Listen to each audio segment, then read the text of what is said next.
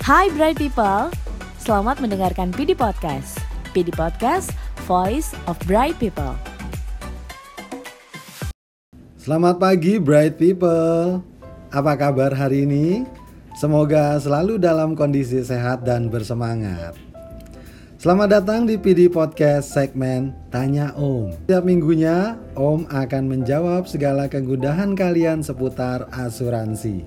Di setiap sesinya, Om akan membahas tiga pertanyaan terpilih yang masuk melalui Instagram PD underscore People Development. So, silakan follow Instagramnya dan ajukan pertanyaan kalian melalui DM. Baik, kita langsung masuk ke pertanyaan pertama. Ada pertanyaan dari Dewi. Dewi di nomor 081 sekian sekian sekian ya. Halo Dewi. Pertanyaannya adalah asuransi itu apa sih? Gimana sih Dewi kerja di asuransi tapi nggak ngerti asuransi? Jadi yang dimaksud dengan asuransi itu adalah bentuk dari perlindungan. Perlindungan seperti apa? Yang dilindungi adalah kerugian finansial. Contohnya, masuk rumah sakit harus bayar biaya rumah sakit, tapi kalau sudah punya asuransi kesehatan, jadi gak usah repot-repot bayar, tapi nanti asuransi yang bayarin. Atau Asuransi juga bisa disebut sebagai konsep mengalihkan risiko. Risiko seperti apa? Jadi sebagai manusia kita itu punya tiga risiko dasar kehidupan. Yang pertama yaitu meninggal terlalu cepat. Yang kedua adalah hidup terlalu lama. Kemudian yang terakhir adalah sakit, cacat, atau penyakit kritis. Jadi kalau punya asuransi jiwa kemudian dia menderita salah satu dari risiko yang saya sebutkan tadi berarti dia nggak usah khawatir kalau terjadi kerugian finansial nanti asuransi yang akan membayar kerugian finansial tersebut bagaimana puas kemudian pertanyaan kedua ada datang dari Yanti. Oh, Yanti. Yanti di email yanti.aku nih at gitu-gitu ya. Pertanyaannya adalah apa bedanya pemilik polis tertanggung sama ahli waris? Tuh, ini pertanyaan yang sering ditanyain ke Om ya.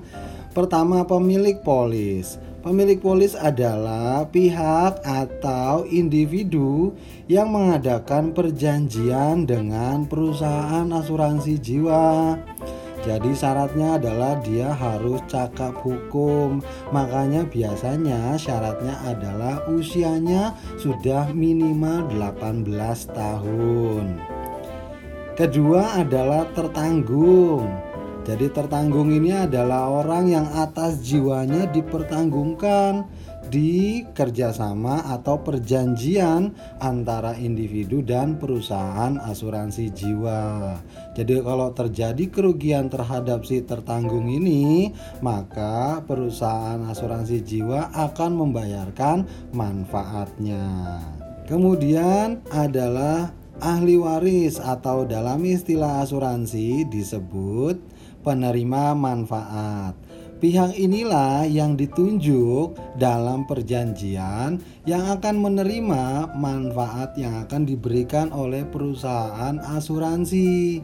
Makanya, orang-orang umumnya menyebut sebagai ahli waris. Nah, ketiga pihak ini, pemilik polis, tertanggung, dan penerima manfaat, diatur dalam asuransi jiwa dengan prinsip insurable interest. Jadi, ketiganya harus punya hubungan secara finansial. Bagaimana? Puas? Baik, pertanyaan terakhir dari Lisa. Lisa di 0811 sekian sekian ya. Pertanyaannya adalah kok bisa bayar premi kecil kalau dapat manfaat uang pertanggungannya bisa gede banget.